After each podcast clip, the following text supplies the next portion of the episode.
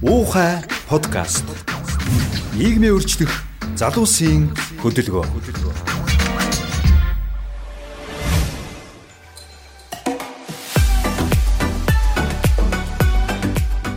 За сайн байцгаана уу? Ууха подкастын ээлж дугаар та бүхэндээ Улаанбаатар хотоос хүрэхэд бэлэн болоод байна. За өнөөдөр Ууха подкастын маань 8 дахь дугаар маш тийм сонирхолтой сэдвийн хүрээнд сонирхолтой зочтой та бүхэнтэй мөгийвтер ярилцах болно. За юуны өмнө зочтой танилцуулъя. За өнөөдөр манаас дүүзэд а дэлхийн эрүүл мэндийн зөвлөх асан олон улсын зөвлөх радна газрын жаргалмаа хүрэлцээрээд байна. Сайн уу жаргалмаа? Сайн байна уу? Сайн байцгаана уу? За мөн бас нэг одоо шин зүйл туршиж үзэж байгаа. Тэрний юу вэ гэхлээр өнөөдөр бид нар анх удаа ууха подкастта одоо хөлийн чандаас зочин оролцуулж байгаа. За энэ удаагийн зочноор а нийгмийн эрүүл мэндийн магистр, Японы Тохоку их сургуулийн докторант, алдарт дуучин, чин зөргийн цэлмүн бас та бүхэнтэйгээ уулзж байна. Сайн уу цэлмүн ээ? Сайн байцгаана уу? Энэ подкастыг сонсох бас өдрийн мэндийг хүргэе сонсогчдоо. За тэгэхээр сүүлийн үед бол 20 он бол маш тийм одоо дуулантайгаар эхэллээ тийм ээ 12 цагт ямар мэдэгдэл орж ирлээ тийм ээ тэгэнгүүтээ тэрнээс хойш бол дэлхийд даяарал ийм сүр дуулантай үйл явдлууд араа араасаа ингэж хөвөрж гин за одоо хамгийн сүүлийн одоо халуун сэдв бол ялчгүй бол коронавирусын тархалт байгаа. Тэгэхээр бид нар бол одоо яг ийм нийгмийн эрүүл мэндийн чиглэлээр одоо мэрэгсэн хоёр одоо бүсгүйтэй та бүхнийгээ уулзуулж байна. Өнөөдрийн бидний ярилцах сэдв бол одоо олон нийтийн эрүүл мэндийн асуудал байх болноо. За, юу вэ намуугийг? Оо юм гүдэ. За, гурван бүсгүйтэй хамтах сайхан байна өө. За, тэгээ уламжлалсаар мөгийн бит хоёр а ууха подкастаа хөтлөж байгаа. За тэгэхээр энэ коронавирус бол одоо ялчгүй бүгднийг төгшөөж байна тийм ээ. Тэгэхээр бол одоо яг энэ энэ цаг үед бол одоо олон нийтийн эрүүл мэнд тийм ээ одоо энэ public health энэ салбарын одоо чиг хандлага ер нь бол одоо олон улсын чиг хандлага бөгөөд одоо Монгол улсад байгаа нөхцөл байдлын талаар ерөнхий мэдээлэлээс эхлэх жаргалмаа. За. За ер нь бол эрүүл мэндийн салбарыг био анаах ухаан, тэгээ эмнэлэг зүйн анаах ухаан, олон нийтийн нийгмийн эрүүл мэнд гэж гурван салбарт хаваадаг. А 1990 оноос хойш нийгмийн эрүүл мэндийн салбарын одоо салбарын талаар анхаарал одоо дэлхийн эрүүл мэндийн байгууллагаас болон олон улсын байгууллагууд илүү өргөнд хүрээтэд аюу төгж байгаа. А 19-р зууны сүүлээс 20-р зууны дунд хүртэл ер нь бол нийгмийн эрүүл мэндийг бол хянах өвчлөлийн тархалтыг одоо бууруулах тал дээр анхаарал хандуулж исэн бол 1950-аас 1990 он хүртэл эрүүл мэндийн хүртэлсэн сэргийлэх талаар одоо анхаарал хандуулж ирсэн. А 90 оноос хойш бол ер нь ард иргэдийг эрүүл мэндийг хамгаалах соён гэрүүлэх талаас нь илүү их анхаарч ингэж авсан одоо түүхтэйгаа дэлхийн эрүүл мэндийн байгууллагаас олон нийтийн эрүүл мэндийн хамралт гэдэг одоо гол одоо концепцийг гаргаж тавьж одоо баг 30 жил болж байна. Тэгэхээр одоо олон нийтийн эрүүл мэнд буюу нийгмийн эрүүл мэнд бол орчин үед ер нь тэр эрүүл мэндийн салбартаач бас бас салбар хоорондын тэргүүл одоо сэдв болж ирж байна. За таны нөгөө нийгмийн эрүүл мэнд гэдэг чинь бас зөвхөн ангаах ухааны шинжилгээ ухаан дангаараа биш те бас давхар одоо юу гэдэг төрийн удирдлага улс төр одоо тэрмэ холилдсон тийм нэг сэдв багш байна л да те зөвхөн ангаах ухааны чиглэл биш. За нийгмийн эрүүл мэндийн чиглэлээр нь олон улсын хандчиг хандлага ер нь сүүлийн үед яаж өөрчлөгдөж байгаа болоо. Магадгүй бас хуучин цагийг бодоход бас шинэ дэвшил тэгээд өвчин хэрхэн тархдаг тухай за шинэ өвчнийг одоо вирус ч байд юм уу яаж шинэ онцлох те олон улсын хамтын ажиллагаа ер нь ямар байдалд байгаа вэ? Та бас нөгөө дэлхийн эрүүл мэндийн байгууллагын зөвлөхөөсний хувьд бас халуун цэгт бас ажиллаж ирсний юу те та саяхан хамгийн сүүлд Афганистанд за WHO-гийн зөвлөхөөр ажиллаж ирсэн юм шүү дээ. За би сая хэлсэн 90 оноос хойш нийгмийн эрүүл мэндийн салбарт илүү анхаарал хандуулж ирсэн. Сүүлийн 100 жилд бол хүний одоо анаах талаас нь те өвчнийг өвчин хүний биед хэрхэн одоо үүсдгийг яаж имчилж онцлох гэсэн одоо техник инновацийн талаар илүү их анхаарал хандуулж ирж исэн бол одоо бол энэ зөвхөн одоо зөвхөн дотоод хүчин зүйл биш мөн одоо бусад гадаад хүчин зүйлүүд их нөлөөлж байна. Энэ одоо нийгэм улс төрийн байдал, эдийн засгийн байдал, ядуурл тий архитал тамхитал гэх мэтийн одоо гадаад хүчин зүйл илүү нөлөөлж гин гэж үзээд энэ тал руу илүү улс орнууд анхаарал чиглэлээ хандуулж ирж байгаа. За ер нь бол хүний эрүүл мэнд зөвхөн анаахын тэ шинжлэх ухаан эрүүл мэндийн үйлчилгээнээс одоо хамаарал нь бас одоо 50% нь хамаарахгүй. 50% нь хүний илүү одоо хувь хүн нийт хамт олонны төрийн болон төрийн бас байгууллагууд аж ахуйн нэгж компаниудын одоо өөрсдийнх нь хандлага тэ одоо эрүүл мэндийн боловсролоос их шалтгаалж ийн гэж үзэж энэ тал руу илүү их төсөв одоо юунуудыг хуваарлж илүү анхаарч хандуулж ирж байна. Эрүүл мэндийн байгууллага болон бусад улс орнуудын одоо хөрөнгө оруулалт тий эрүүл мэндийн салбарын хөрөнгө оруулалтын одоо 25-аас дээш хувь нь одоо яг нийгмийн эрүүл мэндийн тал руугаа чиглүүлсэн хөрөнгө оруулалтууд болж байгаа. За өчигдөр бас дэлхийн эрүүл мэндийн байгууллагаас коронавирусыг бол одоо онц байдал зарласан гэсэн мэдээлэл гарлаа. Дэлхийд тийм дэлхийд одоо global emergency гэж зарлж байна тийм ээ. За тэгэхээр цэлмүү маань бас одоо Монголын талаарх мэдээллийг бол одоо аваад байгаа байх гэж бодож байна. Тэгэхээр яг Японд одоо яг энэ саяны тархалтын байдалд яаж хандж гин тийм ээ? Монголчууд бас яаж хандж гин яг энэ дээр одоо ямар ялгаанууд харагдаж гин гэдэг талаас хуваалцгаа. За ямар ч зүйлсээ юуны төрөнд яг нийгмийн эрүүл мэнд гэдэг би бас энгийнээр тэгээ залуучуудад тайлбарлах гэж хичээе. Нийгмийн эрүүл мэнд болохоор маш өргөн цар хүрээтэй. Тэгээ салбар хоорондоо одоо үйл ажиллагаанаас тогтдог гэж төрөв хэлж байгаа шүү дээ. Тэгээ энэ дотроо яг нөө эпидемиолог гэдэг болохоор хамгийн суур шинжлэх ухаан баггүй юу. Тэгээ эпидемиолог болохоор хамгийн гол үүрэг нь ердөөсөө л энгийнээр ярих юм бол хүн амын эрүүл мэндийг сайн байлгах юм одоо зорилготой. Тэгээд энэ дотроо одоо яг ингээд эпидемиологч салаалаад явхлаарэ нөгөө эрүүл мэндийн тусламж үйлчилгээний үр ашигтай байдал, үр нөлөөг үнэлэхтэй цаашлаад интервенц үнэлэх. За одоо энэ нөлцүүдээр болохоор нотлохонд суурилсан байхад анхаарах те эрүүл мэндийн бодлого, өвчтний шалтгаан ингээл явчин. Тэгээд яг одоогийн нөхцөл байдал дээр болохоор бид нэг шинэ коронавирусын ингээд тохиолдол гарч агаад яг энэ нөхцөл байдалд бас эпидемиологийг ойлгох хамгийн тохиромжтой цаг үе болов гэж бас бодоод байна л да. Юу гэхээр эпидемиолог нь өөрөө шинээр гарч ирж байгаа бөгөөд одоо даалт үйж байгаа сэтэрч одоо сэргэж байгаа өвчнүүдийг илрүүлэх тэр одоо тархалтын одоо тархалтыг нь тогтоох үйл явцыг явцад одоо хамгийн чухал үүрэг гүйцэтгэдэг тий. Тэгээд өнөөдөр одоо сошиал цахим ертөнцийн дээр ялангуяа хүмүүс одоо эрүүл мэндийн яамнаас маш яаралтай ямар нэг мэдээллийг хүлээж ин тэ маш хурдан аливаа гарч иж байгаа энэ асуудалд маш хурдтайгаар respond өгөх буюу одоо хариу үйлдэл өгөхийг нийт хүн ам маань хүлээж байгаа тийм. Тэгэхээр энэ эпидемиологийн аргууд маань одоо шийдвэл энэ одоо төлөвлөлтийн үйл явцыг маш энгийнээр тайлбарлах юм бол одоо эпидемиологийн аргуудыг ашиглаад юуны төрөнд нотлогоо баримтуудыг бүрдүүлдэг байгаа. Тэг бүрдүүлсний дараа хангалттай бүрдүүлснийхаа дараа одоо өнөөдөр ингэж штэ бид нэр одоо энэ шинэ вирусээр жишээ авах юм бол халдварлах одоо энэ өвчний тархалт байна, халдварын дамжих зам байна, тий халдварлалтын төвшин байна, халдварлах механизм гэл энэ бүгдийг цуглуулад нотлох баримтаа бий болгосныхаа дараа нь одоо нөгөө эрүүл мэндийн бодлого боловсруулах хэрэглэх хүртэл тодорхой хугацаа шаарддаг байгааг одоо яг шаардж байгаа энэ процессыг хүмүүс маань одоо илүү сайн ойлгож байгаа гэж бодож байна. Яг нэг симптом яг одоо шинэ вирусын ингээд дэгдэлт гарсан байгаа учраас. Тэгээ тэгээд яг хоо Японы хувьд гэх юм бол а Японы хувьд миний бодлоор disaster management preparedness гэж ярьдаг ярьдаг шүү дээ тий. Монголч юу гэдэг вэ тэр хийж. Гамшиг гамшигын бэлэн бэлэн байдал тий. Тийм бэлэн байдал хэлж байгаа. Тэгэхээр ялангуяа Японы хувьд болохоор зөвхөн одоо вирус өвчриш одоо тайфун болж, цунами болж, газар хөдлөлт өөрөө маш их гамшигтай орон. Аа тэгээд ер нь бол энэ коронавирус гарсан бай гараагүй байсан ч хүйтний уйлрал эренгүүт энэ хүмүүс маскны хэрэглээг маш өндөр одоо өдөр тутмын хэрэглээ болгочихсон. Миний зүгээс бол бүр соёл болгочихсон гэж хардаг. Гоё юм тэр А одоо тэг юм байна л та. Хүмүүс бол энэ чинь маск тавих нь бол маш энгийн маш олон шалтгаантай байж болно те. Одоо өөрөө ханиадгүй байсан ч зүүн өөрийгөө хамгаалж ин тэгээд ялангуяа бага насны хүүхдэд цэцэрлэг сургуулиас нь авахтаа те.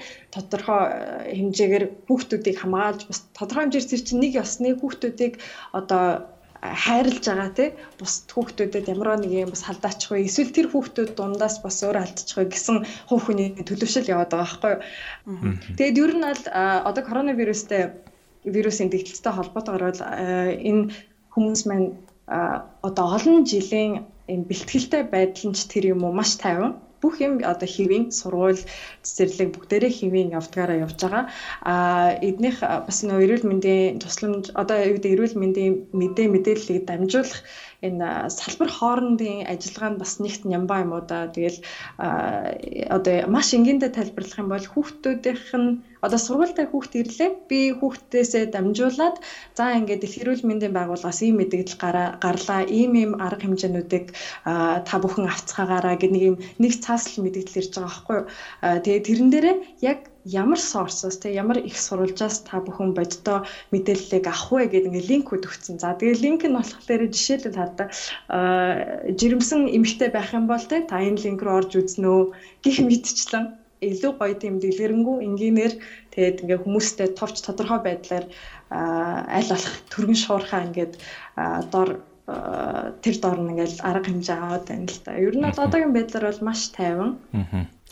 За би бас нэг Япон сурж ирсний хувьд бол яг нэг гамшигын бэлэн байдал бол айгүй чухал авч үзт юм байлээ. Одоо дөнгөж оюутан хэлний курст очиод ингээд аа юу заадаг вэ гэхээр газар хөдлөлтийн үед юу их хэвтэй вэ гэл. Нэг тийм нэг ачааны машин авчираа дотор нь ороод ингээд жижирж байгаа дотор ингээд жижирээд идэг. Тэгээ би өөрөө тийм би өөрөө яг насан турсан байсан ч гэсэн тийм тэрийг нь хүлээж авах тайгуу тоглоом шоглоом бар тийм ингээд алиа салбатаа шиг ингээд дотор нь ингээд жижирж яхад нь ягаадсэн чинь айгуу тэрийг эмзэгэр хүлээж авч тийм эмзэгэр хүлээж авч ирсэн л та. Тэгээ тэр үедээ бас ойлгоочгүй зөнгөрсөн.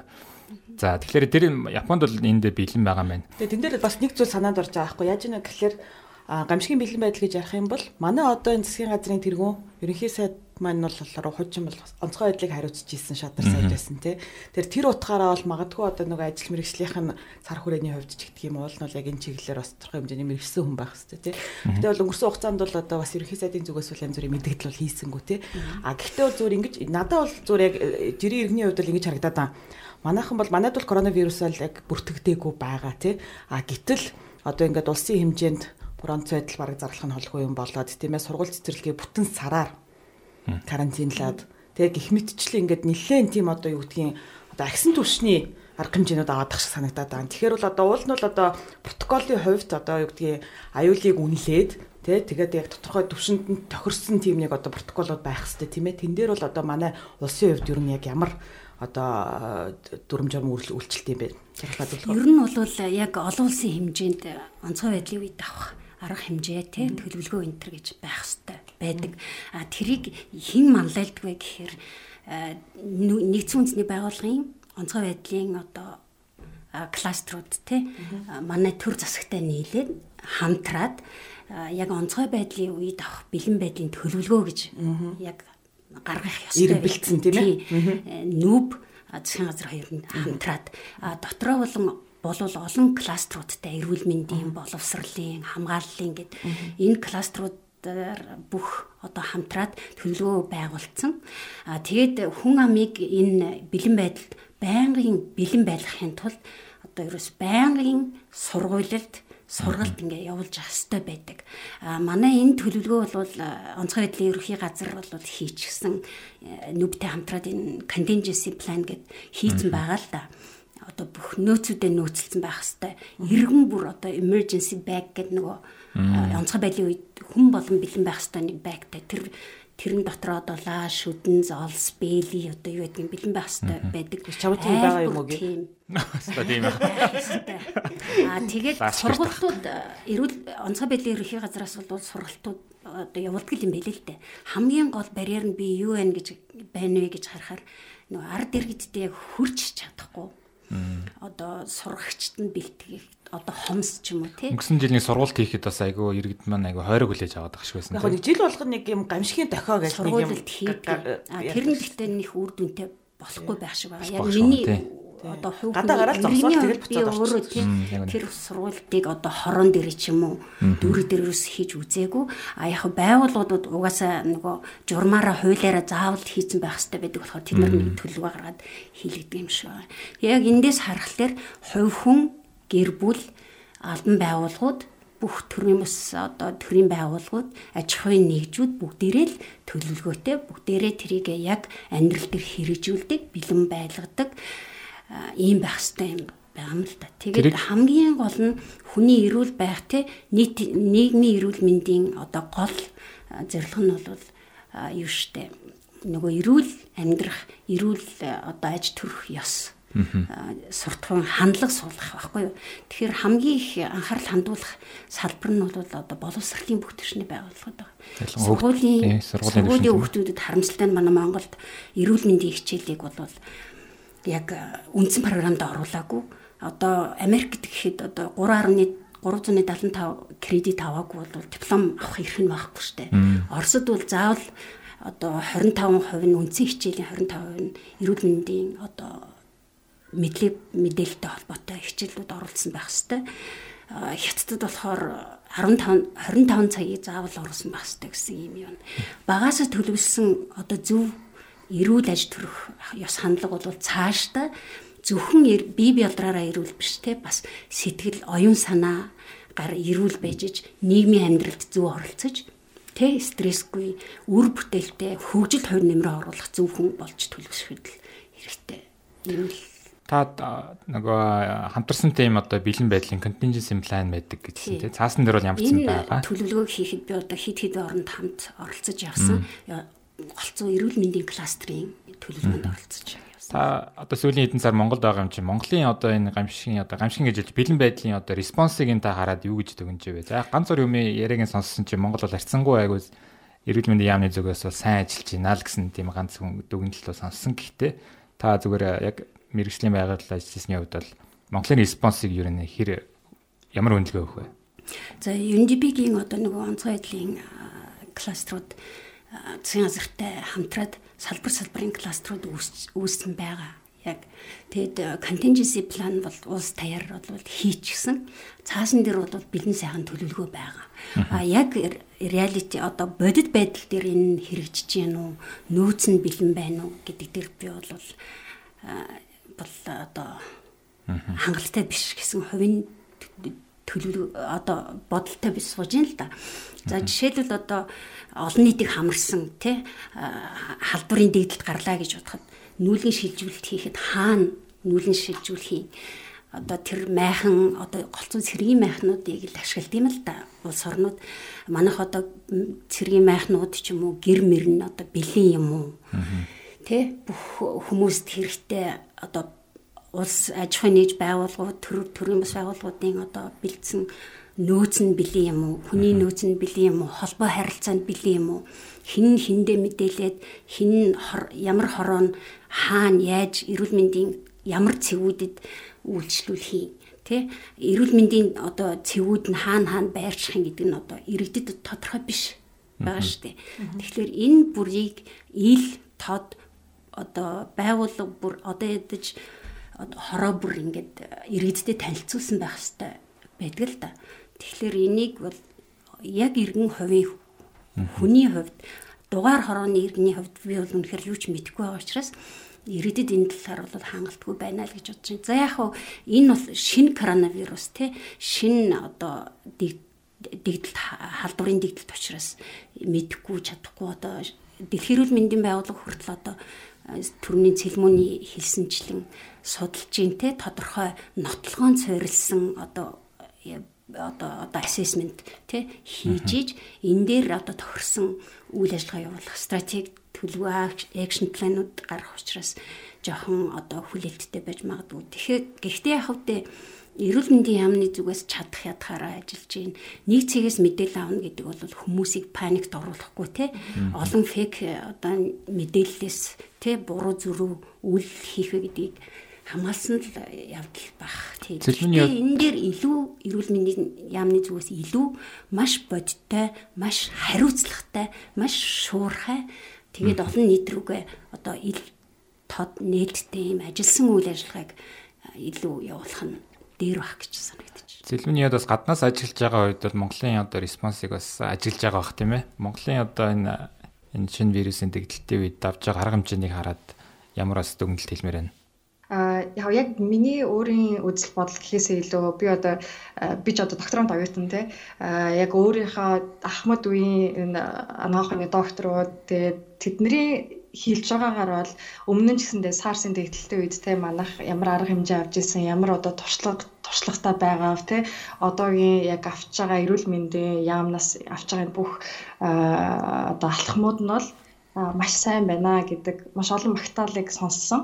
Тэгэхээр тэр хүмүүсийн хэлж байгаагаар бол би яа тэгэхээр би ч бас яг Монголд байхгүй байгаа тийм яг Монголын нөхцөлд яг дунд нь ороод хүмүүс яг ямар хөө асуудалтай байгаад жишээлбэл манайхан нийтдээ хүмүүс бол ингээд сандралдаал бүгдээрээ маска бөөн бөөнд нь аваад гурил янз бүрийн одоо будаа янз бүрийн бөөнд нь аваад тийм зүгээр интернетээс харахад би яг яг үнийг хэлбэл нэлээд бас гайхсан. Аа яа тэгэхээр яг одоогийн байдлаар бол манад албан ёсны яг энэ вирустэй хүн гэж одоо онцлогдсон албан ёсны тоо баримт бол байхгүй байгаа тий.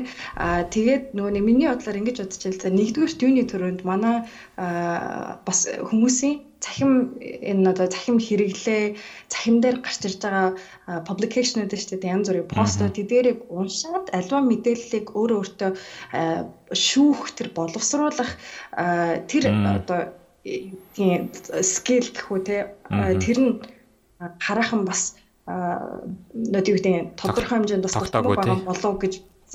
Аа тэгээд дээр нь хоёрдугаар нь юу гэхээр бас жаргалмаа хэмж маань хэллээ шүү дээ тий манай боловсролын системийг нэрүүл мэндийн зүгээс оруулж байгаа тэр контент те хөтөлбөр материалын төр бол бас дутмаг байгаа. Тэгэхээр энэ хүмүүсийн бас буруу биш бах. Жишээлбэл одоо ингээл бид нар ингээд улс орон дээрээ шатдаун баг хийчлээ шүү дээ. Локдаун болчихсон тийм үү. Гэтэ манайд бол бүртгэгдээгүй. Тийм ээ. Яг үнэхээр бодит аюул байгаа хэсэгтэр бид нарт бас яг тэр нотлохонд суурилсан тийм баримтууд бас одоо хараахан бас бий болоогүй юм гэх юм уу тий. А гэтэл одоо бид нар бүтэн сараар Тэгээ бүх одоо олон нийтийн арга хэмжээг хориод ч гэдэг юм уу тий одоо сургууль цэцэрлэгийг хаагаад дэлгүүр оршоогийн хөдөлгөөнийг хязгаарлаад ч юм энэ төр явлаа гэхэд эдийн засгт иргэд эн чинь ямар бас одоо үр дагавартай байлээ тийм ээ. Тэгээ энэ хугацаанд бол ерөнхийдөө бол борлуулалт айгу муудж ийн гэж байна. Цагаан сар одоо тэмдэглэхгүй гэсэн шийдвэр гарч байгаагийн улмаас тий одоо цагаан сарыг төлөвлөөд одоо бас ингээ бизнесийн байгууллагууд бол ингээд тодорхой бэлтгэлүүд хийцэн байж байгаа. Тэр болгон чи ингээд бас одоо юу гэдэг өрөөгөөж болох жишээ нь тийм ээ. А тэн дээр тэгээд одоо жишээлбэл яадаг энэ одоо force majeure гэдэг одоо юу гэдэг тэр хүмүүсийн тэр зээлийн хүмүүнээс чөлөөлөх юм уу яах юм тийм гих мэтчлэнгийн ер нь айгүй өргөн цар хүрээтэй асуудал болж байгаа хгүй зөвхөн ингээд ганц одоо нэг вирусын дэгдэлтийн улмаас тийм ээ. Тэгэхээр энэ бүх зүйл дээр одоо бид нар харин одоо түрүүний асуугаад байдаг тэр contingency plan-д нь тий яг энэ ийм төвшний одоо юу гэдгийг а арга хэмжээ авах шаардлага байсан юм уу гүм үү гэдэг дээр л би зүгээр нөгөө хувь хүний хувьд бол бас нэлээ эргэлзээд байгаа. Тийм ээ бүтэн сараар шүү дээ. Тийм ээ өөр хаач одоо Ухаан Ухаанд л яхаа мэдээж хэрэг тэр одоо локдаун хийцэн байгаа тийм үү. А гэтэл манайх ингэ шаардлага байв уу яг бодсон. Одоо л яг яг эрүүл мэндийн яриага нэг устрлуу жирмээргөө нэгтээ устрлуу чирхээс үр аргагүйж магадгүй одоо яг жаргалангийн хэлж байгаа ингээд тэ хитрхи ингээд хэтрүүлээд байгаа юм биш үү гэдэг тэ одоо эдийн засгээ ингээд эрсдэлд оруулах хэмжээнд ороо. Тэр нь яхаа магадгүй сонгуул ярьж байгаа учраас нэг л тохиолдолд одоо Монгол гарах юм бол тэрийг нь бурууг нь хин дөхөө мэдээж вирус нөхгүй Монгол улсын засгийн газарт бурууг нь өгөх учраас тэрхий нөгөө нэг тий одоо риск рискэ бодоод ингээд хилээ хаах одоо сүлдээ агаараар ч нисхэ болчлоо тий одоо газараар ч одоо хүн нэвтрүүлэхэ болчлоо одоо яг нүүрс тестээ бол гаргана бус хүнийг бол гаргахгүй гэх юм байдал хэмжээнд хүрчлээ тийм магадгүйс ус төртэй холбоотой гэж магадгүй юм даа л хэлсэн. Аа тэгээд яг нүг яг сүулт бас одоо байгаа нотлохон дээр суйрлаад бас шинж одоо артиклууд гарч байгаа шүү дээ шинжилгээ хаанаад сэтгүүлүүд дээр тий. Тэрэн дээр ерөөхдөө хараад байхад одоо мэдих одоогийн байдлаар ойлголт нь юу вэ гэхлээр бусад одоо инфлюенза ханаа томоогийн өртөж байгаа хүмүүсийн хүмүүсийн адил илүү ахмаг ахмаг насны хүмүүс гэж аахгүй одоо дундаж наслаараа насарсан хүмүүсүүд нэг их ахмаг нас. Тий хамгийн залуу 49 дэх гэсэн үү тий. Залуучууд нь суур өвчтөй хүмүүсүүд нь ласаад байна гэсэн тий. Тий. Суур өвчтөй тэгээд бага насны хүмүүс бас харьцангуй гайгүй байна гэж байгаа. Тэгэхээр хүмүүс бас эдгээр мэдээллүүдийг аваад бас жоохон тайван тий байхад бол зүгээр хаа. Гэхдээ яг нэг давуу тал нь бол энэ нэг ийм хүн юм бас туулж иж бас нөгөө иргэдэн нас ойлгоно Аа. Альва юмд давуу тал гэж байна. Тийм, би бас давуу талаас нь бол хармаар байна. Зарим хүмүүсийн одоо маск зүүх хэрэгтэй юм байна, тий? Гараа угаах нь өвчнөөс бас сэргийлт юм байна гэдгийг бас ойлголтыг авч ин тий. Надад бас хамгийн таалагдаад байгаа нь ямар ч нэг маск зүүж хөвшиж जैन тий. Одоо бид нэр яг утаж өгөх гээд байгаа нөхцөл тий одоо метрийн цаана юу ч харагдахгүй байгаа нөхцөл маск зүүдгүйсэн чи хүмүүс одоо годамжаар алхаж байгаа зүгээр ажиглахдаг нэг тал нь нэг тийм утааны эсрэг зориулттай маскууд гадуур зүгээд байгаа надад их таалагдсан.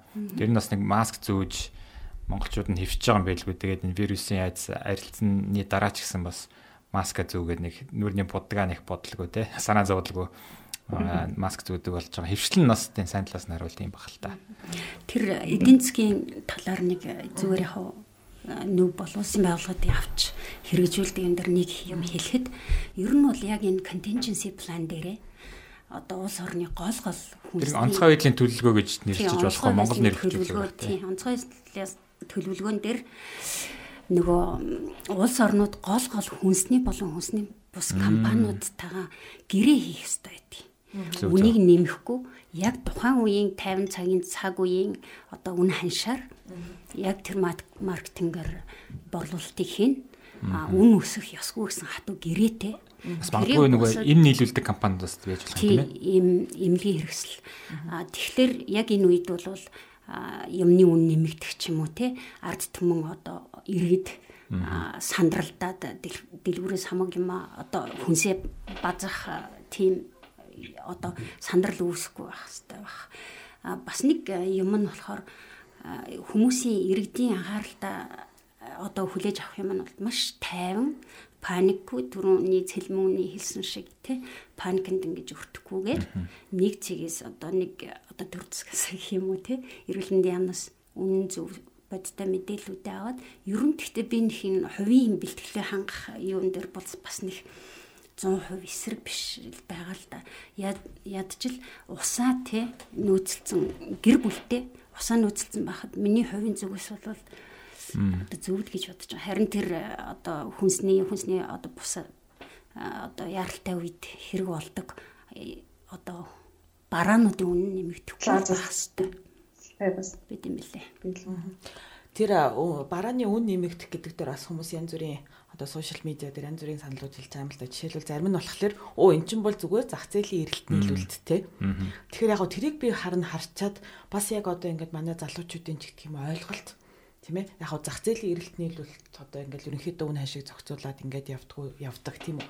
А гэхдээ юм онцгой онцгой аюулын хүрээнд ч гэх юм уу те. Тэгэхэд бол бас ингээд нэг төр чинь нэг юм одоо альва нийгмийн хариуцлага тий тий одоо тий альва харилцаа чинь тий юм хүмүүлгийн хүмүүлгийн одоо юун дээр суурилсаар тий. тэгээд юм бас ёс суртахуунтай тийм ээ одоо нийгмээ бодсон. хайрлсан тийм бас байх тэр зүйлийг бас бид нэр уриалах хэрэгтэй байна гэсэн тийм бас бодол төрж ила. Тийм ээ. Тэгээд энэ бүгдээс ингээд яг базаад авахаар эцсийн эцэст яг хүмүүсийн эрүүл мэндийн боловсрал дээр төвлөрж байгаа үстэй. Худалдааны байгууллагуудын ч гэсэн, ирээдийн ч гэсэн, тэ сурагчдын бүх одоо нь бол эрүүл мэндийн боловсрал дээр төвлөрж байгаа үз.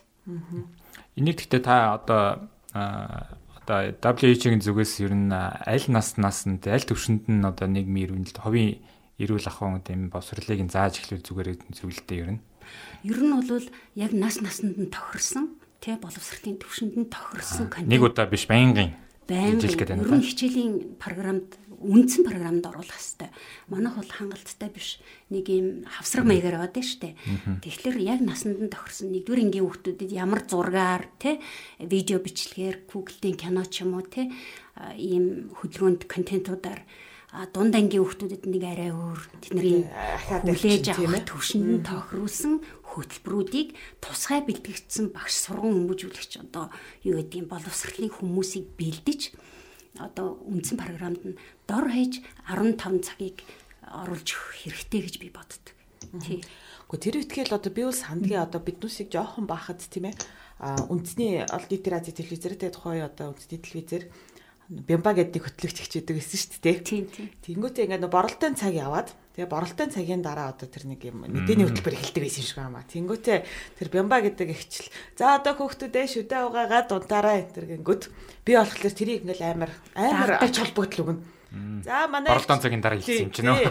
Тэнгүүтээ за шүдэ угаагаараа гэсэн шүү гэлстэй нараа гүйж чи шүдэ угаагаа л унтдаг байхгүй. Тэгээ гих мэдчлээ яг нэг тиймэрхүү нэг өдөр тутмын бас нэг хөвшил төрүүлдэг зүйлүүд одоо жишээл бол нийт радио телевизээр хүртэл тогтмол явж явах хэрэгтэй тий одоо бол бид нарт бол уул нь бол одоо юу гэдэг боловсролыг мэдлэгийг түгээх бас айгүй өргөн цар хүрээтэй тийм одоо сувгууд бас бий болсон байна тий. Тэр болгон дээр бас ингээд бас ажилласаа гэж байна. Яг түрүү нүний бид нар э, одоо хүүхдэд хэрхэндээ одоо нэрүүл мэндийн боловсролыг олох уу гэдээ ярьжсэн шүү дээ. Энд чинь миний зүгээр ажиглалтаар би яг яг энэ чиглэлээр бүр тийм айхтар мэдгүй яг Японы систем яаж явж байгаа. Гэхдээ манай хүүхд энэ чинь болохоор цэцэрлэгээс нь эсвэл одоо ингээ бага ангийн сурагч энэ чинь тэгэхээр э, яг эдний цэцэрлэгтэр харахад яг тийм хичээл гэж бол нэг байхгүй.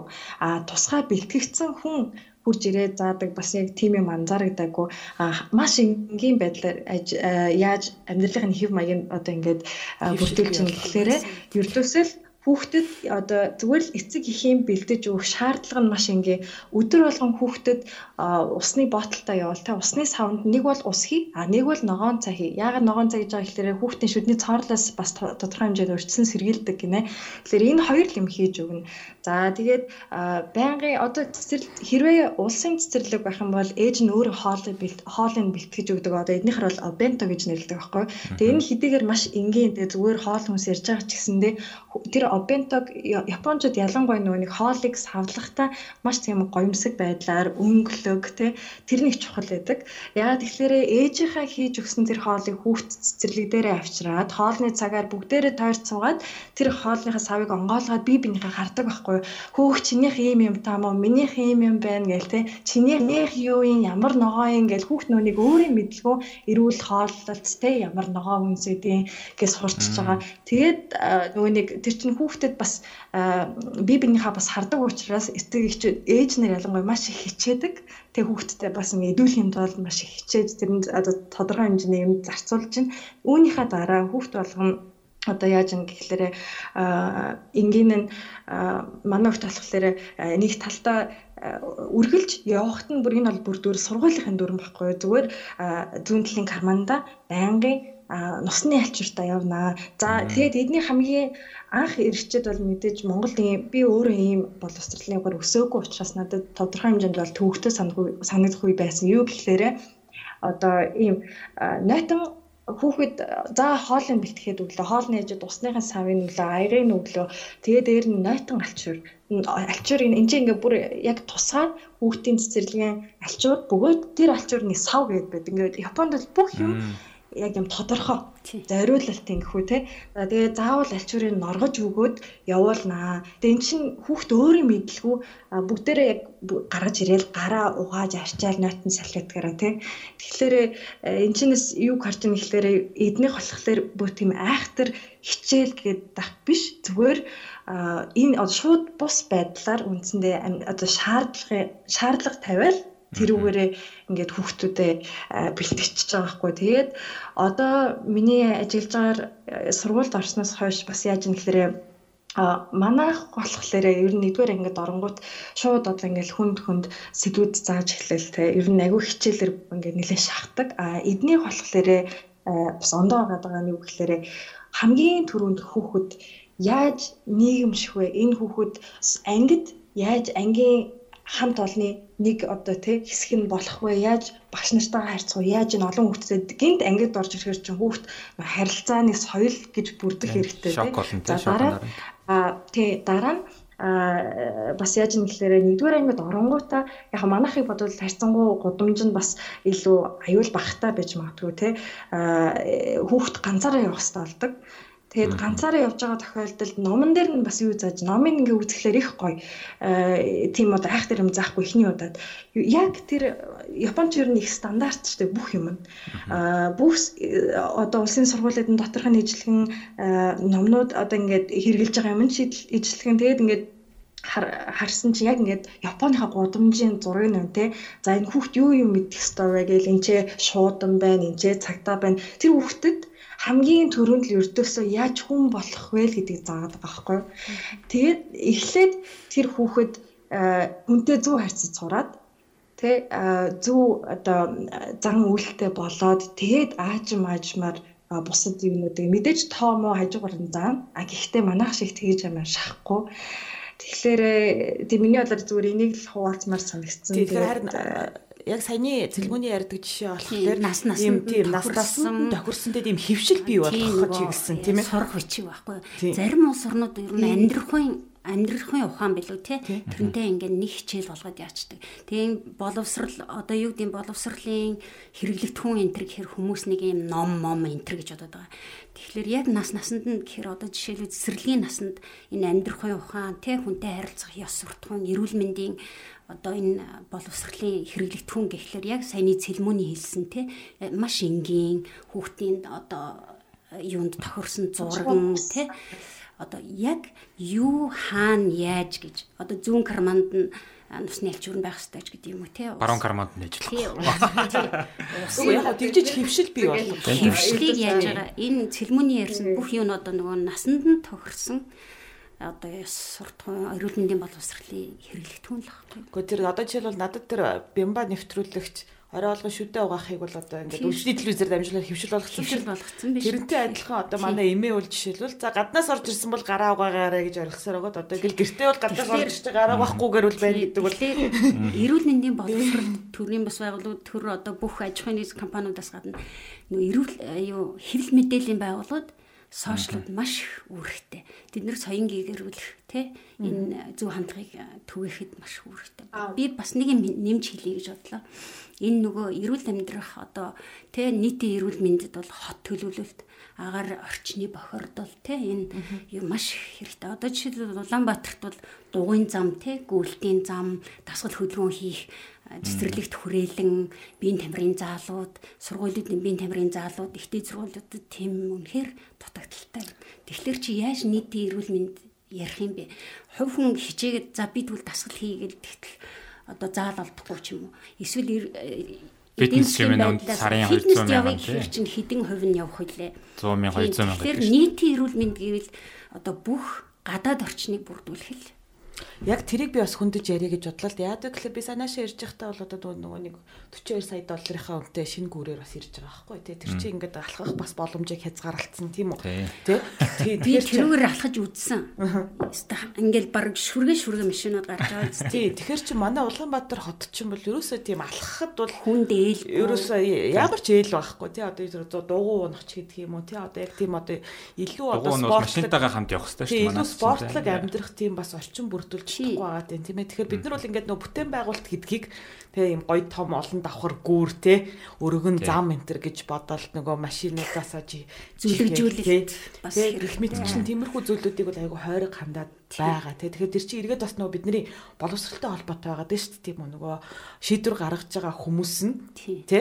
За ийм гоё гүүр барьчих юм бол гоё. алхдаггүй юм чарахгүй шүү дээ. Хүний хэмжээнд өөрийнхөө эрүүл мэндийн боловсрал ёс одоо зөв амьдрах ёс одоо юу хэмдэ хандлагыг өөрчлөе гэхлээр одоо одоо төр засгаас ийм нөхцөл бүрдүүлээгүй бол бид нэр хичнээн хичээгээд яах юм. За яг шүд угаах, гар угаах, маска зүүх энтрийг бол өөртөө хангачиж болж байна. Аа тэгээд одоо ийм одоо олон нийтийг хамарсан халдвар эпидеми үед одоо хүнсээ авах гэхлээр үнэн өсчөөд байвал бид нар эн чин төр засгийн бодлого Аа тэгээд за би жишээлбэл Японд бас оюутан байсан дугуй унах аягүй дуртай. Дугуйгаа унах гэхээр аягүй тийм аюултай. Бараг л машин шүрч гэдэг. Одоо балкон дээр хідэн жижиг болж байна. Тэгээд би гарчгүй гэхлээр бас гүйлтийн зам ховор те яг нэг ойрын байрныхаа орчинд нэг гүгээд нэг тасгалаа хийж чинь бас нэг юм нэмж би хэлмээр санагдлаа энийг энэ юг ашиглаад аж ахуйн нэгжүүд одоо өөрсдийнхөө ажилчдын эрүүл мэндэд бас аюу анхаармаар байгаа байхгүй юу.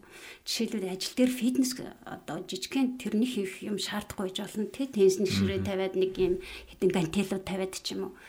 Одоо стресс менежментийг ажилтан бүрдээ заамаар байна энэ нийтийн эрүүл мэнд одоо эрүүл мэндийн үзүүлэлтүүд айгүй буурч штэ. Замын яслаар 1000 гаруй хүн нас орж ийн, хавдраар 4000 гаруй хүн жилд нас орж ийн.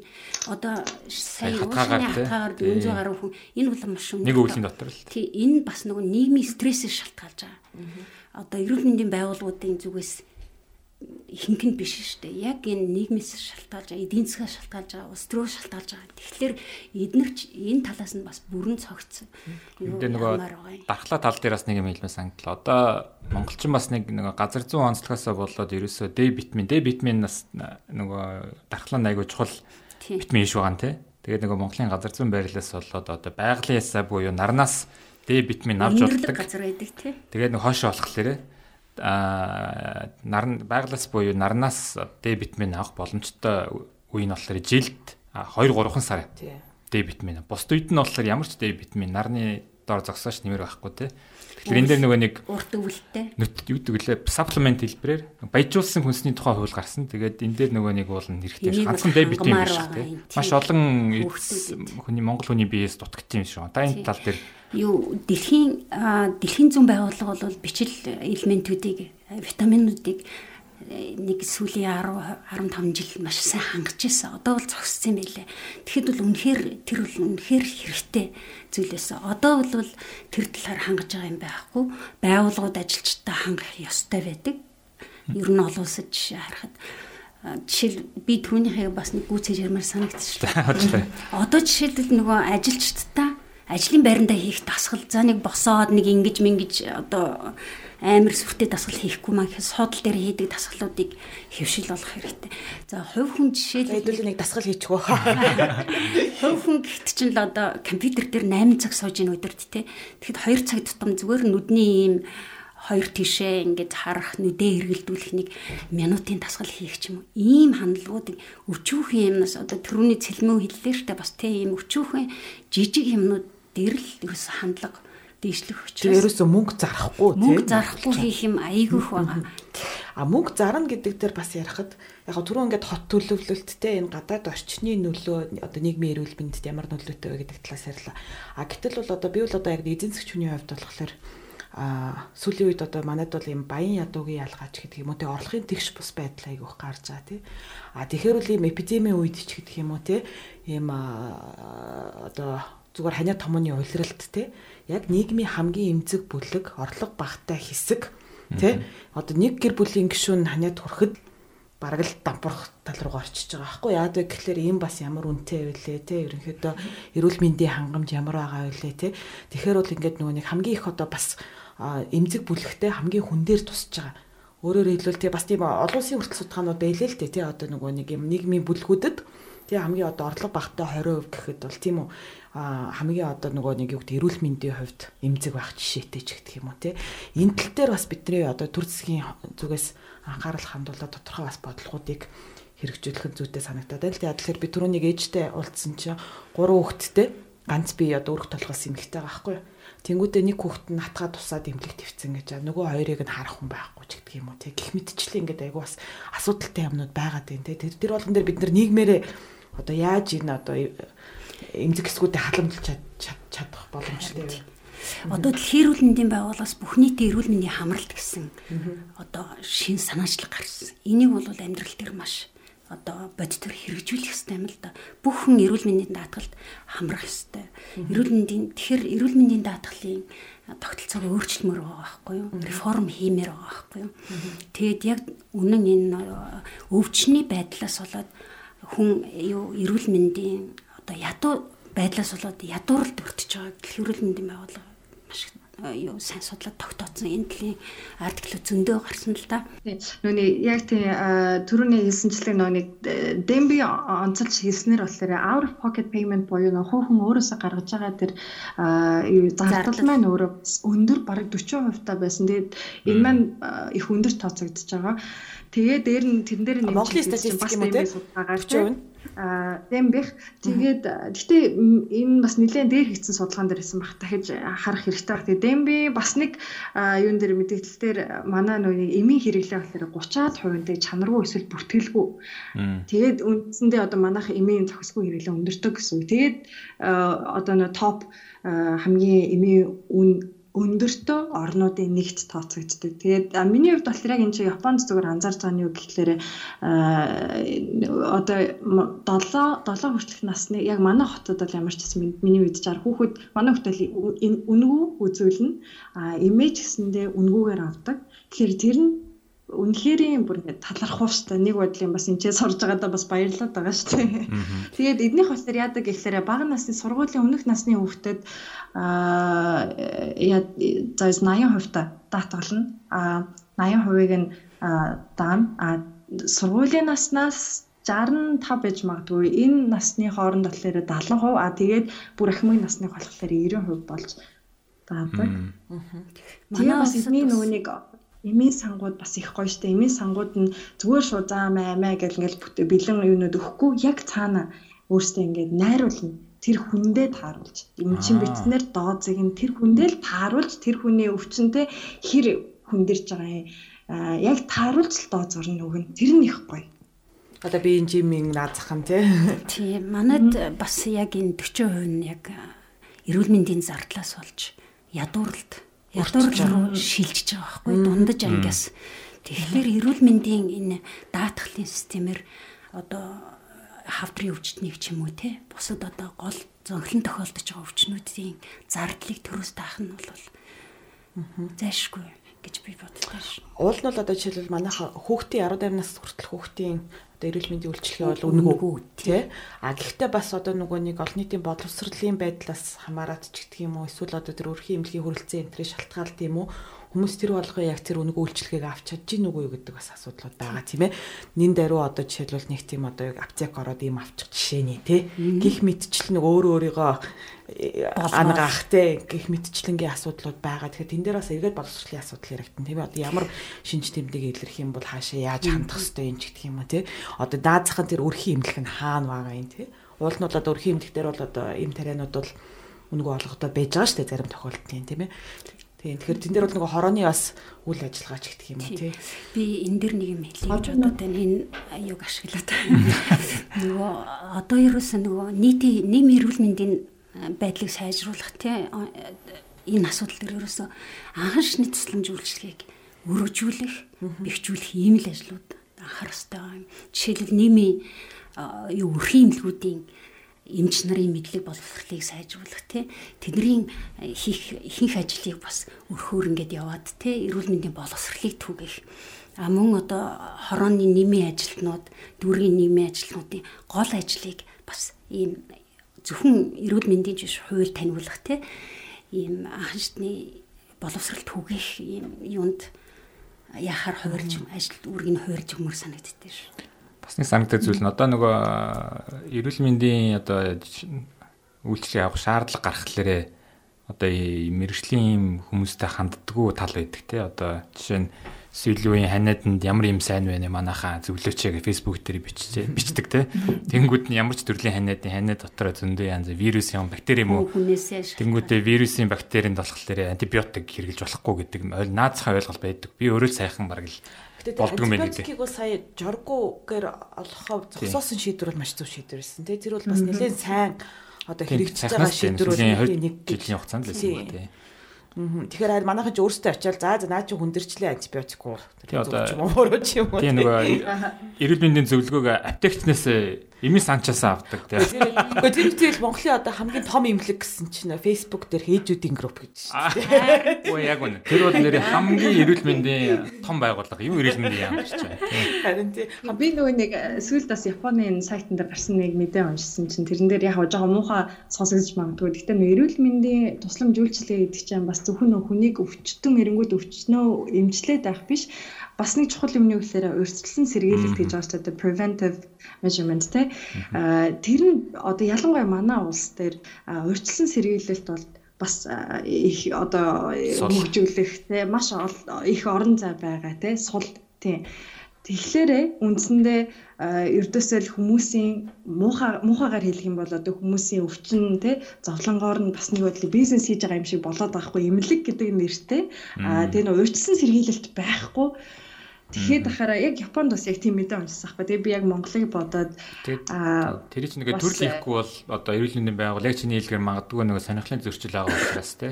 Тийм бодлохоор зангидах хэрэгтэй болж таарч штэ. Тэгэхээр урьдчилан сэргийлэл тэгэхээр Японы зүгээр одоо одоо энгийн нэг жишээ авч үзэхлээр энэ ч эмнэлэг нь шуудангийн энэ үйл ажиллагаатаа бас айгүй гоё хосолж ажиллаж байгаа байхгүй юу. А одоо бид нар ингээл ямар нэгэн өвчтнийг таргет одоо риск өндөртөө бүлэг хүмүүс гэж байгаа шүү дээ. Яг тэднэрийн тодорхойлол ялангуяа Монгол хүний те ямар бүлэг хүмүүс нь юунд илүү өртөмхөн тэрийг аль тэрнийхээ дагуу гэр гэрлүүн шуудангаар одоо жишээлбэл те манай аав ээжний ээжийн одоо насны хүмүүс бол ингээл хорт тавдрын одоо та бол иймэрхүү хорт тавдрын эрсдэлтэй өндөртөө бүлэгт орж байгаа шүү. Та хэрвээ энэ өдрөөс энэ өдрийн хооронд завтаа бол бид нэр ингээд доорх бүх ийм боломжтой таныг үнгүү үзэх ийм эмнэлгүүдийг жагсаасан байна гэл тэгэл ердөөсөө хүн одоо ялангуяа ер нь бид нар чинь бүгдээрээ л завгүй байгаа шүү дээ. Хүүхдээ ч тэр заримдаа анхаарч чадахгүй, өөрийнхөө эрүүл мэндийг анхаарч чадахгүй. Японы бас нэг таалагц гоё санагдаж байгаа юм юу гэхээр би одоо энэ чалаар хоёулахна хүүхдтэй хоёулахна байдаг. Тэгэхээр би ингээл яг нэг судалгаагаа хийгээл хүүхдээ тэр болго анхаарч чадахгүй байхад сургууль нь тогтмол одоо жил болгон хүүхдээ чинь өсөлт бойжилт одоо зөвхөн эрүүл мэнд эрүүл мэнд гэхгүй бусад одоо хүүхний төлөвшлөн те стандарт Япон хүүхдийн стандарт гэдэг ингээ графикаар үзүүлж байхгүй энэ чинээс ийм яг ингэж явж шүү гэж жил болгон. Тэгэхээр ээж хүнд чинь бас энэ их нэмэртэй болж байгаа байхгүй а Тэгээд одоо Японы жишээлбэл энэ урьдчилан сэргийлтийн сайн тогтолцоонд те бас талархах дээ. Юу гэхээр манай аав ч гэсэндээ бас манай аав ижлэр өөр хотод байдаг. Тэгээд бас энэ системээр нь дамжуулаад эрт эрт үе дээр нь онцлоод арга хэмжээг нь аваад хавдраа хавдарт өртөхгүй болчихж байгаа хгүй. Тэгэхээр л яг энэ урьдчилан сэргийлэлтэй л манах одоо манай жишээлбэл шуудан шуудан хэр яг ямар хэмжээнд одоо хэр at what extent гэдэг чинь те одоо э, хэр өргөн цар хүрээнд те хүрч ажиллаж чадж байгаа вэ? Тэрийг жишээлбэл эрүүл эрүүл мэндийнхэнтэй хамтраад бас иймэрхүү маягаар ажиллавал их боломжтой юм шиг харагдаад байна л да. Энгийн зүгээр нэг Наач айгүй гоё сан. Монгол бол одоо энийг ярихад бол бүрэн боломжтой санагдаад. Эрүүл мэндийн яамнаас өрхийн эрүүл мэндийн эмчийн одоо ажил үүргийн хуваарьд оруулсан байгаа байхгүй урьдчилан сэргийлэх соёнгийн эрүүл мэндийн боловсруулах юм. Гэхдээ эндээ ерөөсө хурц ажиллах цаг байхгүй маш их ачаалал ихтэй ийм байгаад байна. Төсөвч гэсэн маш бага тавигддаг. А энэ дээр бас нэг юм уран гарч байгаа. Яг л өрхийн эмч одоо манайх чинь одоо баг сая хүн Улаанбаатарт амьдарч штэ. Тэгэхээр засаг захиргааны нэгжийн хуваарлалт одоо иргэн харах тий. Өрхийн чи өрхийн нэг эмчэд хэдэн хүн өрхийн чи тий. ноогдол тэгээ төсөв энтриг тэгэхээр энэ дүүргийн тий. Хурлын сонгуулийн хуваарлт байсан гэсэн. Баг хорооны хүн амын одоо хуваарлтыг аж юуны нутаг захиргааны нэгжийн хуваарлтыг зөв хуваарлмаар байгаа юм. Тэгвэл өрхийн эмчийн ачаал бас яг тэр иргэддээ хүрч ажиллах, төсвөө зөв зарцуулах, эрүүл мэндийн боловсрал олгох, ёс соён гэгэрүүл хийн ажилдаа бас хөрөлцөөтэй болоод ирж байгаа юм л да. Яг энэ хиний цэлмөөний хийсэн шиг яг ийм л хэрэглэгдэхүүн иргэдэд байх хэрэгтэй байхгүй юу? Тэр өрхийн эмч тэр айлын удамшлын өвчнийг судалсан биз дээ. Танаа ээж одоо өвөө эмээ ч юм уу яг ийм өвчнөр өвсөн учраас та тийм магадaltaй гэсэн шуудангийн юу ирээд үзлэг шинжилгээнд ороо гэж тий. А тэгээд гих мэтчлэн энийг үл ихтэй зөвхөн өрхийн өрхийн өрхийн имлгээс нь салгаад одоо уулд нь бол ингээл нөө big data энэ төр гэж бид нар ч л гой гой нэр томьёонууд ярьж штэ тийм үү. А тэнгуүтээ одоо юу гэдгийг ингээд манай хүн ам цөөтэй тий ерөнхийдөө бол ингээ хүнийг бүртээ хурч ажиллах бүрэн боломжтой байхгүй. Тэгэхээр нэг жижигхэн одоо нэг тийм төв байгуулад тий. Тэр нь бол одоо ингээ тэр нөгөө эмнэлгүүдийнхаа датан дээр тодорхой анализууд хийгээд аа тэгээд тийм таргетед байдлаар одоо шууданга шуудангийн үйлчлэл бол надад байгаа шүү дээ. Тэр бол одоо зүгээр байхгүй ш байгаа. Эсвэл сайжирсан байгаа Монгол шууд. Тийм. Тэгэхээр бол тэрийг бол хийх бол бас боломжтой. Энэ дээр бас бас нэг өнгөж хийж болно. Тийм. Төсөвсөд жаах юм бас байна. Facebook-ийн чатаар ингэ бичсэн ч юм болно. Тийм. Ер нь бол ингээд ийм одоо гол нь санаачлагтай л ажиллах нь бас их чухал байгаа одоо бүртгэлийн мэдээлэл тийм одоо ингээд энэ тэн саланг байдал байд юм шиг байна. Улсын бүртгэлийн бүртгэлгүй иргэд ч байна а одоо улсын бүртгэлийн мэдээлэлний тусдаа эрүүл мэндийн даатгалын мэдээлэл нь тусдаа ингээ манайхан мэдээлэл нь тусдаа байгаад байгаа шүү дээ. Одоо бол хандлага бол яг жаргалангийн хэлдгээр энэ бүх датануудыг нэгтгэхэд нэгдсэн нэг одоо мэдээллийн сангаасаа ингээд шаардлагатай ингээд байгууллагууд нь мэдээлэл ингээд төвөрлө авчдаг. Мэдээж хувийн мэдээллийн нууцыг чандлан хадгалаад тийм ээ. Ерөнхий эрүүл мэндийн үзүүлэлтүүдийн мэдээллүүд бол эрүүл мэндийн хөгжлийн төв дээр гардаг л та. Яг дүүрэг дүүргээр аймаг аймаг суммаар. Гэхдээ энийг юусе түгээн дэлгэрүүлэхгүй энэ дээр анализ хийхгүй байна. Анализ тохирсон бодлого явуулахгүй байна л та. Тэр ихтгэл одоо жишээлбэл яг нэг өвчтөнд ноогдож байгаа зардалч гэдэг юм уу те тэр эдийн засгийн одоо үр судалгаанууд ч гэсэндээ айгу дутмаг юм байл шүү дээ. Тэгэхээр бид нар бол одоо нөгөө эрүүл мэндийн салбар ингээл уналтанд орчлоо инглээ тэглээгээд байдаг. А гэтэл бид нар үнэхээр яг тухайн төсвөө үр ашигтайгаар зарцуулж чадчих юм уу тийм ээ? А тэр дунд одоо ингээд янз бүрийн одоо өргүү зардлууд юу вэ? Энтер гэдэг дээр ерөөсөө тийм тодорхой дүн шинжилгээ хийж айгүй чухал асуудал. Эрүүл мэндийн одоо энэ quality assurance гэдэг одоо хяналт те төсвийн зарцуулалтын хяналт эмчилгээ онцлогооны үр дүнгийн талаар ерөөсөө юу байхгүй. Бусад орнд жишээлбэл нөгөө таван хоттой зочд буудал гэдэг шүү дээ. Тэрэн шиг ард иргэдээсээ имлгээ яг ийм юугаар үзүүлэлтүүдээр ингээл нэг оноо тавиал одоо нэг таван хот ч юм уу дунд зэрэг ч юм уу гэд ингээд юунуудаа цуглуулчихдаг. Тэгэл тэр имлэг дээр очиж тэр шалгалт хяналтыг хийгээд одоо сайжруулах юм ингээ өрсөлдөөн те чанарын өрсөлдөөнд би ягаад саяны зүйлийг ярьж байгаа гэхээр нэг дээр үед саяхан нэг хэдэн жилийн өмнө их нэлсийн төвд хүүхдтэйгээ явтлаа л те манай хүүхдээс өвдөд. А тэгээд бол яг нөгөө хүүхдийн эмнэлгийн үйлчлэгээ нөгөө чинь би бол өөрөө сахиад тэгээд нэг 7 хоног гарчим хөвтөхгүй а тэнгуүтээ ингээ тэр дунд чинь ингээл баг өө жоох аниалах гэдэг юм аа цэцээ тэр гэлцсэн юм уу тэр чинь хангамж байгаа байхгүй юу Тэ? Тэнгүүтээ би баг нөгөө гарахтаа яг хэдийгээр би мөнгө төлөхгүй байгаа ч гэсэндээ тэ. За одоо ингээд танд ийм хэмжээний зардал ингээд зарцуулсан байна. Гар хөлийн өсөж зурах ч юм уу тэ нэг тийм бодохгүй юу? Тэгээ тэгэхээр тэн дээр ерөөсөө нэг тийм нэг нэг одоо бит битэрт одоо хэдийн хэмжээний юм тариа ашигласан те яасын тэр нарийн тооцоо тийм тооцоо ерөөсөө байхгүй те тэгэхээр тэр чинь ингээд нэг гарын салаагаар юм урсаад байгаа байхгүй уул нь бол тэр тооцоог бас одоо эргэн хүнд те татвар төлөгчд бас үзүүлээд Тэгээ тэгэх юм бол би ч гэсэн бас айгүй талархалтай хандах гэдэг шүү дээ. Өө яа нэ энэ жилийн эцсээр нэг репорт бас энэ ирдээ. Тий, харин нэг тиймхүү тийм тайлангууд явуулж хөвшмээр байгаа байхгүй? Тий. Тий, одоо нөгөө 10 мянга 2017 онд 550 тэрбум эрүүл мэндийн төсөвт одоо зарцуулсан байна л да. Одоо нэмэгдсэн баг. Энийг бол үр дүнтэйгээр одоо efficiency efficient гэдэг ярьдаг шүү дээ зарцуулах боломжтой байхгүй. Уулнууд яг чиний хэлсэн шиг тий яг нарийн тооцоогоор ийм зардал ийм ийм эмнэлгийн хэрэгсэл чам зарцууллаа. Одоо эндээс одоо гарсан хэсгийн тэрэнд одоо зарцуулах шиг юм ийм тогтолцоо хяналт төсвийн хяналт ерөөсөө маш эсвэл Одоо бүр нэг эрүүл мэндийн даатгалын шимтгэл шүү дээ тий. Тэрнтэй нь холбоо та энэ жил тэдэн дүүргийн эрүүл мэндийн даатгалын шимтгэл хэлсэн байна. Та энэний хариуд нь тэдэн дүүргийн эрүүл мэндийн үйлчлэгээ авсан байна гэд ихлүүл бас өөрийнхөө тийм иргэд өөрсдөө бас хянаад ирэх боломжтой. Яг энэ дээр бол бас нэг одоо юу гэдгийг хэрөө эрүүл мэндийн даатгалаараа үйлчлэгэнд хамрагдаагаа бол нэг урамшуул өгөх мөх контер гэх юмнууд яригдал байдаг шүү дээ. Бас л нөгөө эрүүл мэндийн даатгалын реформ байхгүй юу? Хувь хүн өөрийнхөө уул нь бол эрүүл мэндийн үйлчлэгээний үйлчлэгээний даатгалаар бол багт тохирсон багц багцаар хийцэн байх хэвээр. Жишээлбэл одоо нөгөө Unity-ийн багцыг сонгодог шүү дээ. Би 150 сувг үздгийг авъя. За би 60 сувг үздгийг ав. Тэрэн шиг яг эрүүл мэндийн багц даатгалын үйлчлэгийг эргэж сонгох ёстой. А тэгээд тэндээс илүү гарсан ч юм уу хүн өвдөөгүй те өөрийнхөө даатгалын шимтгэлийг илүү ашигтай ингэж байж байгаа бол тэрийг одоо нөгөө эмзэг бүлгийн иргэд те даатгалаа төлж чадахгүй байгаа ч юм уу тийм хэсэгтээ зориулах ийм хамтын төлбөрийн юг бас маш их оруулж өгстэй гэж боддгийг. Эрүүл мэндийн даатгал бас зөвхөн одоо төрийн даатгал биш те хувийн даатгалуудыг хамтран ажиллах маш нарийн гэрээгээр маш нарийн тооцоотой маш нарийн үүрэг хариуцлагатайгаар гэрээ хийж ингэж ажил үүргээ хуваарлцах нь бас их чухал байна харин би бол ингэж байгаа сүүлийн үед болохоор ингээл нөө хувийн даатгалын асуудал айгүй харагдаж байна л та.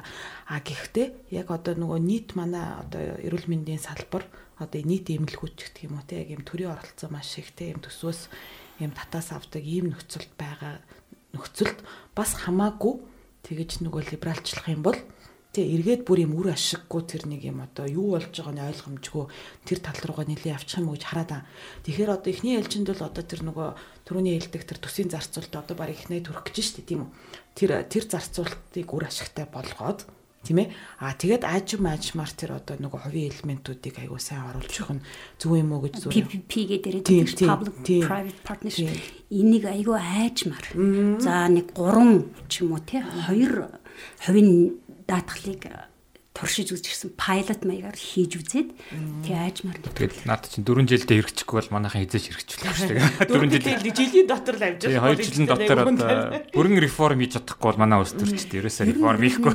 Салбарт нэг үнэхээр том реформ хийх цаг болсон бас чиг магадгүй нь ярих хэвээр сэдэн одоо манай улсын эмнэлгүүд гэх юм уу одоо улсын эрүүл мэндийн даатгалын систем ч юм уу бас магадгүй боловсон хүчний амьдрах одоо амьдралгааны цалин үлсний асуудал ярихгүй бас болохгүй гэж магадгүй тийм ээ.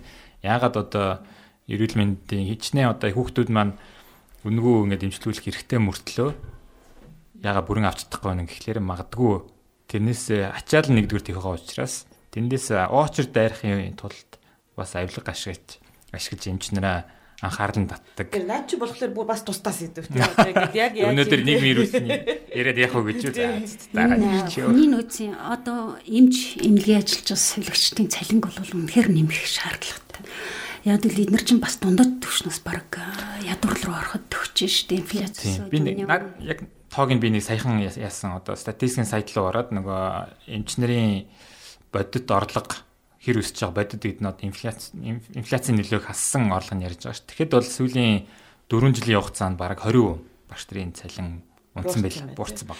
Харин над нар ч юм бол яг би бол боловсролын салбарыг илүү төлөхөө судалдаг болохоор тэгтээ яг боловсролын салбарт бас муу ялгаагүй. Боловсрол эрүүл мэндийн салбарын ажилчид яаж ийнэ гэхээр хуучин одоо бол хамгийн одоо сэхэтэнлэг тийм үү өндөр орлоготой бүлэг байсан чинь тий. одоо яг өнгөрсөн 30 жилийн хугацаанд яг тэдгэр хүмүүсийнхаа нөгөө орлогыг бодитоор нэмэгдүүлж чадахгүй явсаар байгаад одоо яг юм нөгөө дундаж давхраас доош гулсаад Тэ одоо өөрсдийнхөө цалингаар нөгөө 8% зээлж авч чадахгүй хэмжээнд авилгачин эмч авилгачин багш болохоос өөр аргагүй. Тэгэхээр чи нөгөөний бидний дундаж давхраг нөгөө сэхэтэн давхраг энтер гэж яриад байгаа бүх зүйл чинь бас айгу өрөөсгөл болоод эргээд нөгөө нэг юм нийгмийн бүтц маань бас айгу хэцүү болчих. Сургууль дээр одоо багшийнхаа өмсөн зүйлсний хүртэл тий.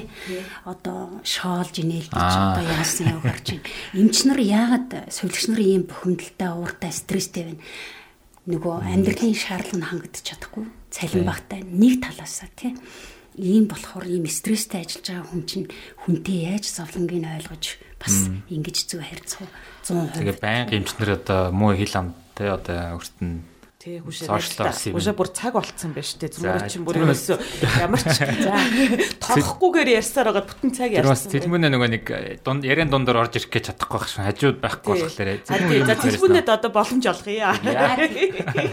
Хаад яриаг сонсоод тэгэл бодоод суугаад байна. Яалт ч нөгөө нийгмийн эрүүл мэнд ярихлаараа улсын удирдлагатай хууль эрх зүй бодлого гэд яригадад явна. Тэгээ зүгээр хамгийн түрүүнд бод одоо ингээл ярьсаар ярьсаар ярьсаар хамгийн сүүлдгэн дээр ингээл очиад тул одоо мухар чинь нөө гэхлээр ердөөсөө нөө удирдлага болоод байгаа байхгүй. Одоо жишээлбэл бүгд тэрийг айгу гоёор ирчихлээ. Удирдлага. Дарга. Лидер байхгүй юу манай лидер. Жишээлбэл Нидерландыг бүгд ингээл нийт 23 ерөнхий сайдын 8 нь одоо доктор хүмүүс 10 профессор те одоо зочин профессор байсан гэж байгаа байхгүй. Тэгээд бас нэг өөр бүр хуучны ингэ судалгаан дээр харж байхад те удирдгчдын боловсрал ямар байна? А одоо жишээлбэл боловсрал өндөртөө байх юм бол тэр улсын нийт ард иргэдийн одоо боловсролын төвшин ч гэсэндээ дагаад өсөж байна гэдэг тийм судалгаа байгаа хгүй. Тэгэхээр яг одоо бас бид нар те үнэлгээ хийгээд үзэхэд те бас яг нэг мэрэгчлийн хүмүүс нь топос ахуулаад топос ахуулаад тэгэл боловсролын асуудалтай хүмүүсээ дээр үгүй. Тэгээд салбарын санхүүжилт байхгүй болол тэгээ хичнээн ингээл гадагшаа залуучууд нь сураал ямар нэг scholarship аваад сураал ирлээ юм хийя гэсэн чинь санхүүжилтэн дээр очиж гацсан. Нэг бол түрүү хэлсэнчлэг те ингээд жишээлбэл би урьдэн гэсэндээ ингээд ингээд төсөлтөөр ажиллаж байхад хүмүүс нь солигдчихэнгүүт дахиад төсөл маань гацаал эхнээсээ танилцуулаад яриад те Тэгэхээр манад угаасаа юм одоо long term тийм sustainability гэдэг юм үржи байхгүй яг юм тогтвол яриа болгоын устрлуу орчт юм да. За. Уухай. Нөгөө за хэдүүлээ нөгөө төсөл төсдөг шаард манай жаргалан нэг уламжлал болсон асуулт асуудаг. Тэрийг асуугач. За тэгэхээр хоёр зочноос Ууха подкастын уламжлалт асуултыг асууя. За одоо подкастыг сонсож байгаа залуучуудад а өөрийнхөө салбарын эсвэл одоо яг залуучууд уншаасаа гэсэн ямар ном санал болох вэ гэдэг асуулт байгаа. За зэлгүүнээс эхлэе те. А за а түрүү бас бодож илээ нэг the fourth industrial revolution гээл те энэ болохоор дэлхийн эдийн засгийн форумын үүсгэн байгуулагчны гаргасан ном байгаа л да. Тий. Дүр Ажилтнуудын дөрөвдүгээр хувьсгал гэдэг байгаа. Тийм тийм. Тэгэхээр энэ одоо үндсэндээ бол өдөөсөө физик, дижитал, биологи гэдэг эдгээрийн нийлбэр болсон шинэ технологи ирүү хэлж байгаа тийм. Тэгээ одоо зөв бодоод үзэхэд өнөөдөр чи элгийг 3D-гээр ингээ принтер гаргачихсан гэж бодоход бид нар бас эрүүл мэндийн салбарт ялангуяа яг health tech гэж ярьж байгаа шүү дээ. Health tech Энийг бас манайх илүү хөгжүүлэх хэрэгтэй. Тэгээд нөх хиймэл оюун ухааны хүртэл бид нэр одоо яг энэ бол яг одоо яригдах хэрэгтэй зүйл. Эрүүл мэндийн салбарын тэ дангаараа биш бусад салбартаа хамтраад өнөөдөр сая бид нар ингэж ярьж байгаад ч гэсэндээ ачаалал нөө нэг эмнэлгийн тусламж үйлчилгээний ачаалал өндөртөө байна тэ энийг бусад одоо жишээлбэл хятад японочууд ч гэсэндээ хүн амын бүр э, хэд дахин их. Тэгээ тэр дээрээ нэмээд aging society буюу тэ насжилт өндөртөө улс орон яаж зохицуулж ийн вэ гэхээр ердөөсөө одоо AI health tech хөгжүүлснээрээ одоо тэр ирж байгаа ачааллыг бас багсгаж байгаа байхгүй тий. Тэгэхээр э, залуучуудад зүгээр э, санал болгоход энэ Schwab-ийн тийм үүсгэн байгуулагч Klaus Schwab-ны гаргасан Fourth Industrial Revolution гэдэг ном байгаа. Тэгээд би нэг л ном санал болгох хэрэгтэй юу? Зөө яг хаа дахиад байж болно. Тэгвэл бас хүмүүсийн ном гэхэр чинь бас хүмүүс янз бүрээс ном сонирхчиж магадгүй. За нэг юм байна. Нөгөө тэний үгээр captivate гэдэг нэртэй. Нэр нь жоохон тиймэрхүү. Би ингээл энийг хүмүүсийн урд унших гэхэд бас юу санагддаг captivate те. Одоо юу гэдгийг сэтгэл татах, ер нь соронцдох ч юм уу нэг тиймэрхүү утга агуулсан. Тэгээд энэ болохоор Vanessa Van Edwards гэдэг эмэгтэй. Энэ эмэгтэйгийн би хоч нь болохоор human behavior hacker ахгүй ерхөө nickname гэх юм уу. Хүмүүсийн зан үйлийн hacker гэж нэмэгтэй хэлдэг. Тэгээ ямар хүмүүс зориулсан ном бэ гэхлээрээ одоо жишээлбэл нөө олон нийтийг хамарсан ивент энэ дээр очихлаар заримдаа ингээл ливгүй оргиол хаан зогсгоо мэдгүй ресепшн дээр яхаа мэдгүй ч юм уу те заримдаа ингээл олон хүмүүсийн дунд орчихлаар яа баг нохоо исэн бол зүгээр нохоо илээ сууж ахсан сууж ахсан ч юм уу нэг тийм хүмүүс байдаг штэ.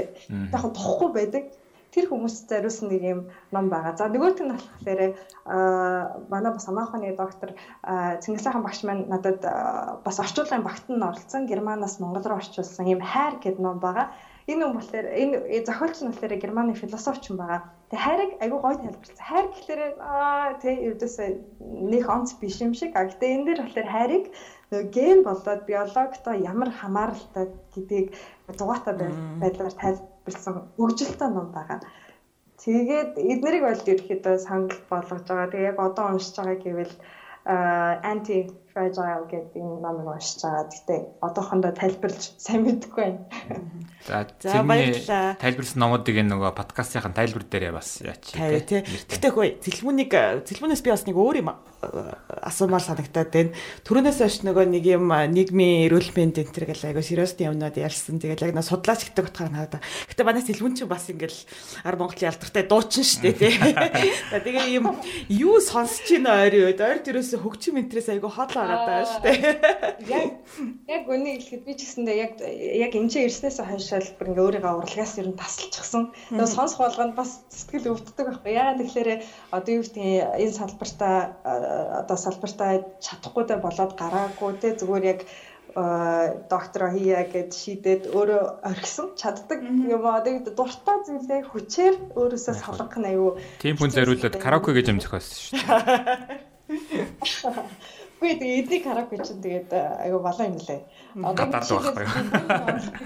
төлбөрийг төлбөрийг нь шүү дээ. Манай талаар төлбөрийг хувааж төлдөг шүү дээ болгон тий нийлүүлээд а энэ ч бол тийм юм байхгүй хит гарна бүх хүмүүс яг ижлэхэн тэгж хэлдэг шүү дээ. За за тэр ч хаа. Тэгээд тий эдгээр дуунаас хол байж агаад а сая Selena Gomez-ийн Rare гэдэг альбомыг сонсоод Selena Gomez болохоор өмнөх дуулжсэн жанрууд нь бас яг миний тийм дуртай бол биш. А гэхдээ сүүлд энэ 4 жилийн хугацаанд а өөрөө бас айгүй сайн ажилласан байлаа. Яг өөрийнхөө дуу хоолой одоо дуучид Монголын бас нэг ялангуяа энэ дууны салбар дээр ярих юм бол дуу хөгжмийг гадаадад яаж хийдэг вэ гэхээр хувь хүн болгоны ашигтай өнгө гэж байдаг байхгүй юу?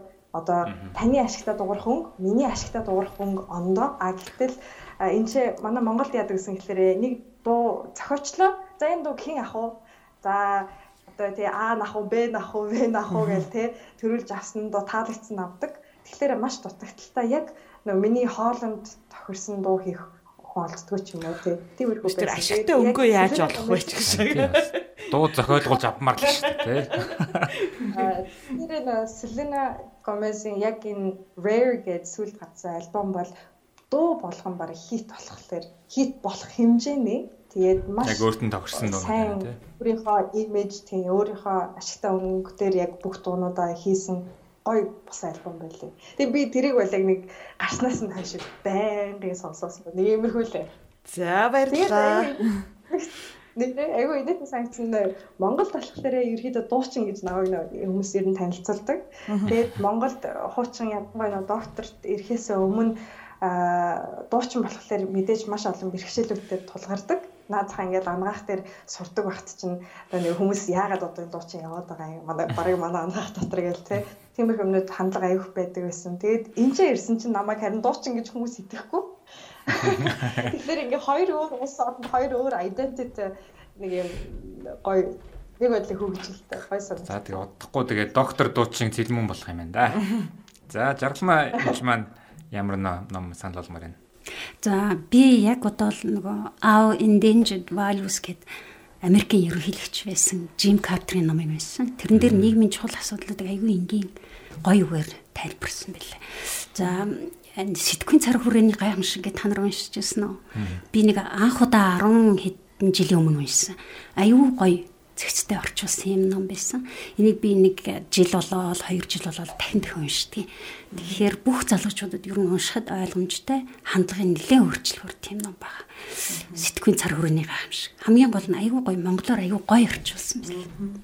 За ингээд бас нөгөө цаг үеийн алуун сэдвээр ярилцсан болохоор бас нэлээ удчлаа.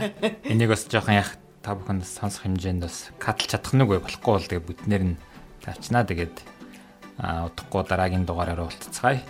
А бас энэ шинэ коронавирусын үед бас хойхны эрүүл ахуйн тэ нөгөө юугаа үүргээ биелүүлээд гараа сайн угаагаад маска зүгээд ингээд явахыг тэр та бүхнээсээ хүсье. Жаргалан манаас имэйл барина. За хоёр зочтой үеийн өмнө баярлалаа нийт сонсогчдийнхаа өмнөөс. За тэгээ бүгдээрээ эрүүл байцгаагаараа.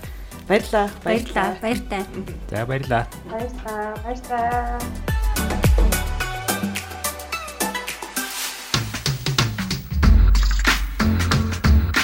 Уухай подкаст.